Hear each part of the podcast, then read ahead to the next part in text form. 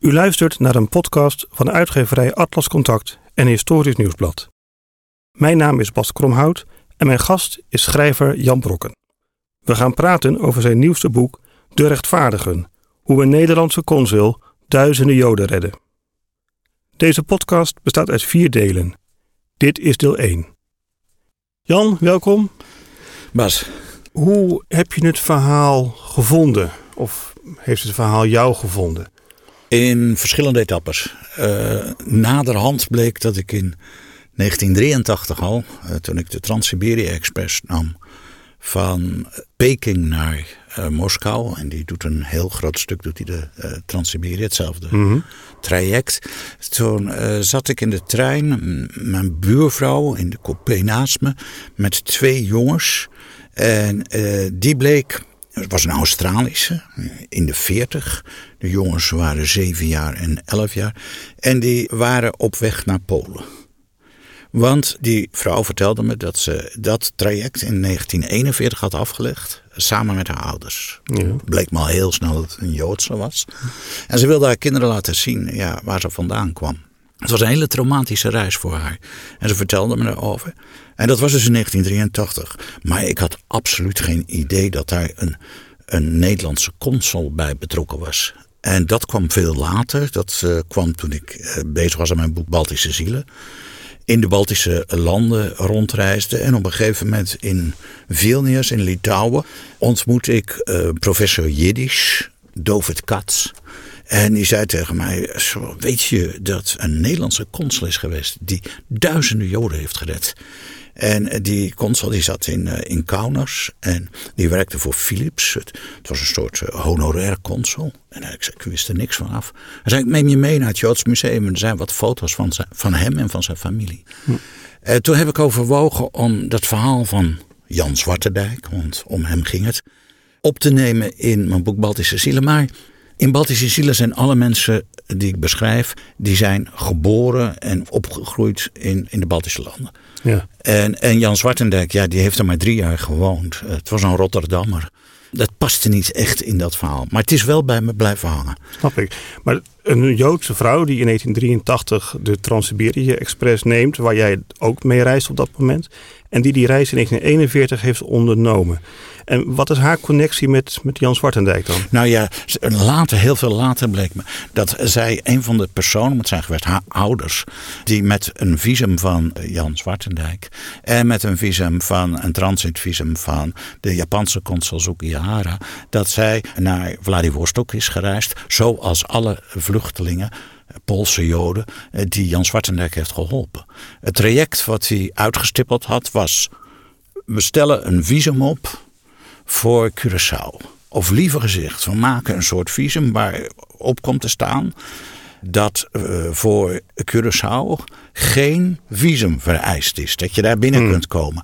Het grote probleem in 1940, 1941 voor Joden was, die wilden vluchten. Die Duitsland wilden ontvluchten of Polen wilden ontvluchten. Het grote probleem was dat ze geen bestemming hadden. Want alle grenzen waren dicht. De Verenigde Staten had de grenzen gesloten. Canada had de grenzen gesloten. De meeste Zuid-Amerikaanse landen hadden de grenzen gesloten. En in Azië, ja, Australië, Nieuw-Zeeland ook. Mensen werden maar bij mijn mondjesmaat binnengelaten. Dus ja, er waren weinig mogelijkheden. En Jan Zwartendijk heeft dit uitgevonden in, in gesprek met verschillende mensen. Mhm. En toen bleek er een mogelijkheid dat ze weg konden. Maar de enige route die ze konden nemen was van Kaunas met de trein naar Moskou en daar met de Trans-Siberië Express naar Vladivostok. En daar konden ze dan overvaren naar Japan. En daar hadden ze dus een transitvisum voor nodig. Nu was het de gelukkige omstandigheid dat uh, in uh, 1940 in Kaunas nog twee consulaten open waren: het Nederlandse en het mhm. Japanse. Dus dat was te regelen. En de Japanse consul die was uh, erg begaan met het lot van, van deze Joodse vluchtelingen. Die wilde meewerken. En die heeft dus transitvisa uitgegeven. Die waren maar twaalf dagen geldig. Ja. Maar uh, toen die mensen daar eenmaal waren in Japan, bleek dat daar rek in zat. En heel veel uh, van deze vluchtelingen zijn uiteindelijk heel lang in Japan gebleven. Ja, want hebben ze uiteindelijk Curaçao bereikt? Niet één. Aha. Niet één. Uh, toen ik begon uh, aan het onderzoek had ik nog, want ik heb heel lang op Curaçao gewoond. Ik had als vaaglijk gehoord dat er één of twee mensen uiteindelijk toch daar waren gekomen. Okay. Maar dat bleek niet te kloppen. Niemand heeft Curaçao bereikt. En iedereen die met dit visum op stap ging, wist ook, ja kijk, het doel is niet om in Curaçao te komen, maar het doel is of de Verenigde Staten, of Australië, of Nieuw-Zeeland, mm -hmm. of, dat ook voor heel veel mensen, ja, wat toen nog Palestina heette. Ja, ja dat verhaal dat, dat trof jou en je bent daar in je achterhoofd mee bezig gebleven. Wanneer heb je gedacht van dit, hier zit een boek in? Ik was in uh, 2013 was ik in Litouwen terug. Ik gaf een lezing in Vilnius. En de ambassadeur die ontving me, de Nederlandse ambassadeur. En een jonge vent, heel energiek. En die vertelde me dat hij uh, toch een monument voor Jan Zwartendijk wilde hm. oprichten. En toen zei hij, maar een monument is niks als er, als er geen boek bij is. Dit onderwerp is echt iets voor jou. Nou, toen, toen, toen ben ik erover gaan nadenken. Maar er was één ding wat hij me toen zei. Hij zei trouwens, ik heb de zoon van, uh, van Zwartendijk uh, heb ik gevonden. En ik ben met contact in hem, met hm. hem. Nou, ik zei, nou, waar woont hij? Nou, in Nederland. En toen heb ik contact gezocht met Rob Zwartendijk, de jongste zoon. Geboren in Kaunas. Maar toen gebeurde iets toen ik daar kwam. Hij woont woonde en woont in Blarikum. Ik kwam daar en kwam het huis binnen en er stond een, een, een dame, lange, magere vrouw, oude vrouw. En zij kwam me af en zei: Ja, ik ben Edith, ik ben de dochter van Jan Zwartenrijk. Hm. En inmiddels wist ik al zoveel dat, dat ik dacht: Ja, dit is een kroongetuige. Want Edith was 13 jaar toen het allemaal gebeurde in Kaunas. En zij heeft alles meegemaakt. Het werd me ook wel heel snel duidelijk dat de familie er erg bij betrokken was. Bij hm. wat Jan Zwartendijk aan het doen was. En nou, ik heb toen een, een hele dag met hen beiden gesproken. Rob, die was natuurlijk maar heel klein toen. hij is in 1939 geboren. Dus die had geen enkele herinnering aan de gebeurtenissen. Maar Edith, die had, ja, die had een, bovendien een visueel geheugen. En ja. en ja, zij zat daar op school. Zij had Litouwse vriendinnen. Zij had Russische vriendinnen. En zij heeft alles heel, heel erg bewust meegemaakt met haar broer Jan. Die was twee jaar jonger. Maar Jan was in 2014 overleden. In februari. Dus die heb ik niet meer getroffen um, meegesproken. En daarna vele malen meegesproken. Uh, Edith woont in, uh, in Frankrijk, in de Dordogne. Dus ik ben in Frankrijk bij haar bezoek geweest. Dagen met gesproken. En op een gegeven moment heb ik aan hen beiden gevraagd, aan Rob en aan Edith. Zullen we teruggaan naar ja. Litouwen? Zullen we alle plekken bezoeken die, die, die Edith zich zo goed herinnert nog? En dat hebben we gedaan. Oh. En een week lang zijn we naar alle plekken geweest. En ja, toen we daar eenmaal waren, toen kwamen er nog veel meer herinneringen boven. Ja, bijzonder lijkt me dat. Ja, dat is ongelooflijk bijzonder geweest de feiten gingen voor mij leven op dat moment. Uh, als ze vertelden van ja, dat, uh, het Philipskantoor en zo. Nou, we gingen het Philipskantoor uh, opzoeken. Want in dat Philipskantoor was het consulaat gevestigd. Nou, dat bleek helemaal niet veranderd te zijn sinds 1939 of 1940. Dus alle plekken die we bezochten, het huis waar ze gewoond hebben, dat huis stond er nog en dat huis was, was nauwelijks veranderd. De straat, de bomen, alles, alles, alles. En ook de uitstapjes die ze maakten naar de Memel en aan de rivier, dus de mhm. Memel. En ja, dat konden ze me allemaal aanwijzen. We zijn daar geweest. Op een gegeven moment hebben die kinderen, uh, omdat de situatie heel precair werd, hebben ze in een, een boerderij zijn ze ondergebracht bij een Litouwse boer en boerin helemaal afgesloten van de wereld. En uh, nou, die, die, boerderij hebben we teruggevonden. Hm. Voor mij ging daardoor alles erg leven. Snap het, ja. En je hebt ook met heel veel andere mensen gesproken. Ja, ik ben echt begonnen. Ik, ik wilde een boek schrijven over Jan Zwartendijk. Maar al snel bleek me dat hij het niet alleen heeft hm. kunnen doen. Hij had de hulp nodig van een aantal mensen. In de allereerste plaats had hij de hulp nodig hij was consul, maar hij was benoemd door de Nederlandse ambassadeur voor de Baltische landen in Riga. Ja.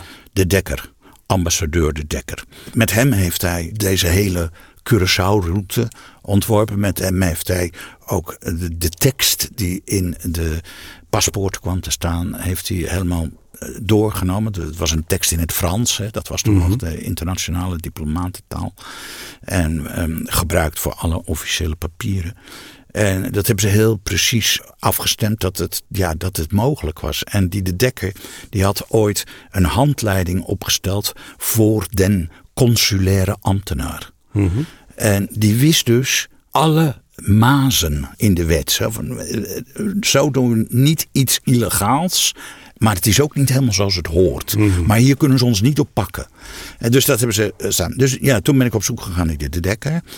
Dat was een stuk moeilijker omdat uh, hij geen uh, kinderen heeft nagelaten. Dus, hij heeft één dochter gehad, maar die is op tienjarige leeftijd overleden. Dus de, dat moest ik helemaal uh, doen met de archiefstukken. Ja. En natuurlijk de Japanse consul Sugihara, die een belangrijke rol heeft gespeeld. Het, het, het vreemde is dat Jan Zwartendijk, Nederlandse consul, en Tjune Sugihara, de Japanse consul, hebben in een tijdsbestek van een paar weken, dus duizenden via uitgeschreven, hm. hebben samengewerkt aan, aan deze vluchtroute, maar ze hebben elkaar nooit ontmoet. Hm. Ze hebben alleen door de telefoon met elkaar gesproken. Maar ze begrepen elkaar zonder dat ze. En, en dat, is, dat is uniek. Ja. En het is me gebleken dat, dat zo'n vluchtoperatie. Dat, je, ja, dat, dat kun je niet in je eentje doen. Dus eh, nou, zij met zijn twee allereerst. Eh, de dekker in eh, Riga. Maar ja, die vluchtelingen kwamen dus in, in Japan terecht. Mhm. En die moesten daar opgevangen worden. Ja. En toen bleek me dat daar een Nederlandse consul de Voogd, Nicolaas de Voogd, een belangrijke rol heeft gespeeld in Kobe. En nou ja, ik had zoveel geluk gehad met die kinderen Zwartendijk. Ik dacht, eh, ik ga eens proberen of daar nog kinderen zijn. Die heb ik gevonden, twee zoons. En die woonden in Australië. En die konden zich alles ook nog allemaal precies herinneren wat er gebeurd was in, in Kobe, in Japan. En ja, het waren Poolse Joden, voor het merendeel. 90% waren Poolse Joden. Uh, ze hebben daar ook veel hulp gehad van de Poolse ambassadeur in hm. Tokio. En dat was dus van de ambassadeur van de Poolse Republiek in ballingschap. Die zetelde in Londen, net zoals onze uh, regering in Londen zetelde gedurende de oorlog. En dat uh, was een graaf, graaf Thaddeus Romer. En hij heeft ongelooflijk veel voor die vluchtelingen gedaan. Ja. En je bent ook naar Japan toegegaan. Hè? Je hebt al die plekken bezocht. Ja. Uh, dus dat leest ook een beetje als een, ja, als een reportage hier en daar. Hè? Ja, ja. de elementen in van de reportage. Ja, want ik vond de verschillende plekken waar die vluchtelingen... Eh, allereerst in, in Churaka... Uh, er is een museumtje ingericht en daar heeft de archivaris van Churaka... die heeft aan mensen gevraagd, een, een, jaar of vijftien geleden... kunnen jullie nog herinneren dat al die Poolse Joden hier kwamen... Ehm, met het schip uit uh, Vladivostok, het veerboot. Uh, ja, dat konden een aantal mensen zich herinneren. En dat heeft hij, heeft hij interviews gemaakt met die mensen. Dat waren voor een merendeel mensen die toen destijds in 1940 en 1941 kinderen waren. Maar uh, hij heeft een stuk of dertig mensen geïnterviewd. Mannen en vrouwen, Japanners dus. Uh, die zich herinneren wat er hmm. gebeurde. En die zagen die mensen aankomen voor mij was dat fantastisch materiaal, want dat heb ik daar allemaal gekregen in Suruka. Sommige uh, gesprekken uh, waren uh, opgenomen, maar daar heb ik vertalingen van gekregen. Dus voor, zeg maar zoals voor radio. Een aantal waren gefilmd en de meeste waren uitgeschreven.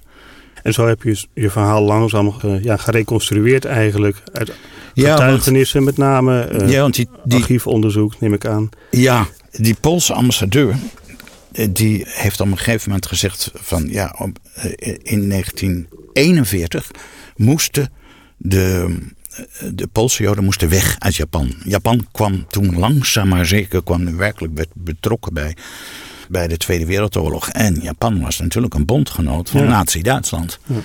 dat is een, een heel bijzonder aspect van dit verhaal. En ja, de Japanse regering die wilde deze mensen niet terugsturen naar Europa. Want ze wisten wat het lot zou zijn van deze Poolse Joden. En ze hebben dus uh, ja, op een gegeven moment gezegd: ja, ze moeten hier wel weg. Nu was uh, Shanghai was bezet door Japan in 1937. En toen hebben ze besloten om degenen die niet konden doorreizen naar Australië, Nieuw-Zeeland, de Verenigde Staten, en dat waren de meeste, dat zij dan naar Shanghai door moesten. En van daaruit zouden ze dan maar verder moeten. Uh, nou, dat, uh, dat is gebeurd. Maar die Poolse ambassadeur heeft gezegd: Ja, ik vertrouw dit niet. Ik ga mee met deze mensen. Mm -hmm. En ik ga met mijn vrouw mee, met mijn drie dochters mee. En met het hele ambassadepersoneel. Uh, ik vraag toestemming aan de Poolse regering, ballingschap in Londen. Nou, die heeft dat toegestaan. En hij is dus meegegaan. Hij is een dikke jaar gebleven bij deze mensen in Shanghai. Nou, dat vond ik allemaal tijdens mijn onderzoek. En wat bleek, de oudste dochter van deze ambassadeur, die leefde nog. En die woonde in Canada. 93 jaar oud. Teresa Romer. En ik heb uh, twintig brieven met haar gewisseld. En zij, had zo, zij was toen 15 jaar toen dit gebeurde. Zij is dus meegereisd op het schip naar uh, Shanghai. Uh, zij heeft meegemaakt hoe die mensen in Shanghai werden opgevangen. En ja, daar had ik bijzonder veel aan. Dus ja, toen ben ik daarna ook nog naar Shanghai gegaan om, om het daar allemaal te bekijken. Want uiteindelijk heeft ongeveer de helft van, van uh, deze vluchtelingen heeft, uh, tot 1946 in Shanghai gezeten. Tot zover deel 1 van de podcast van uitgeverij Atlas Contact en Historisch Nieuwsblad met schrijver Jan Brokken over zijn boek De Rechtvaardigen. In deel 2 vertelt de schrijver wat Jan Zwartendijk dreef om duizenden Joden te redden.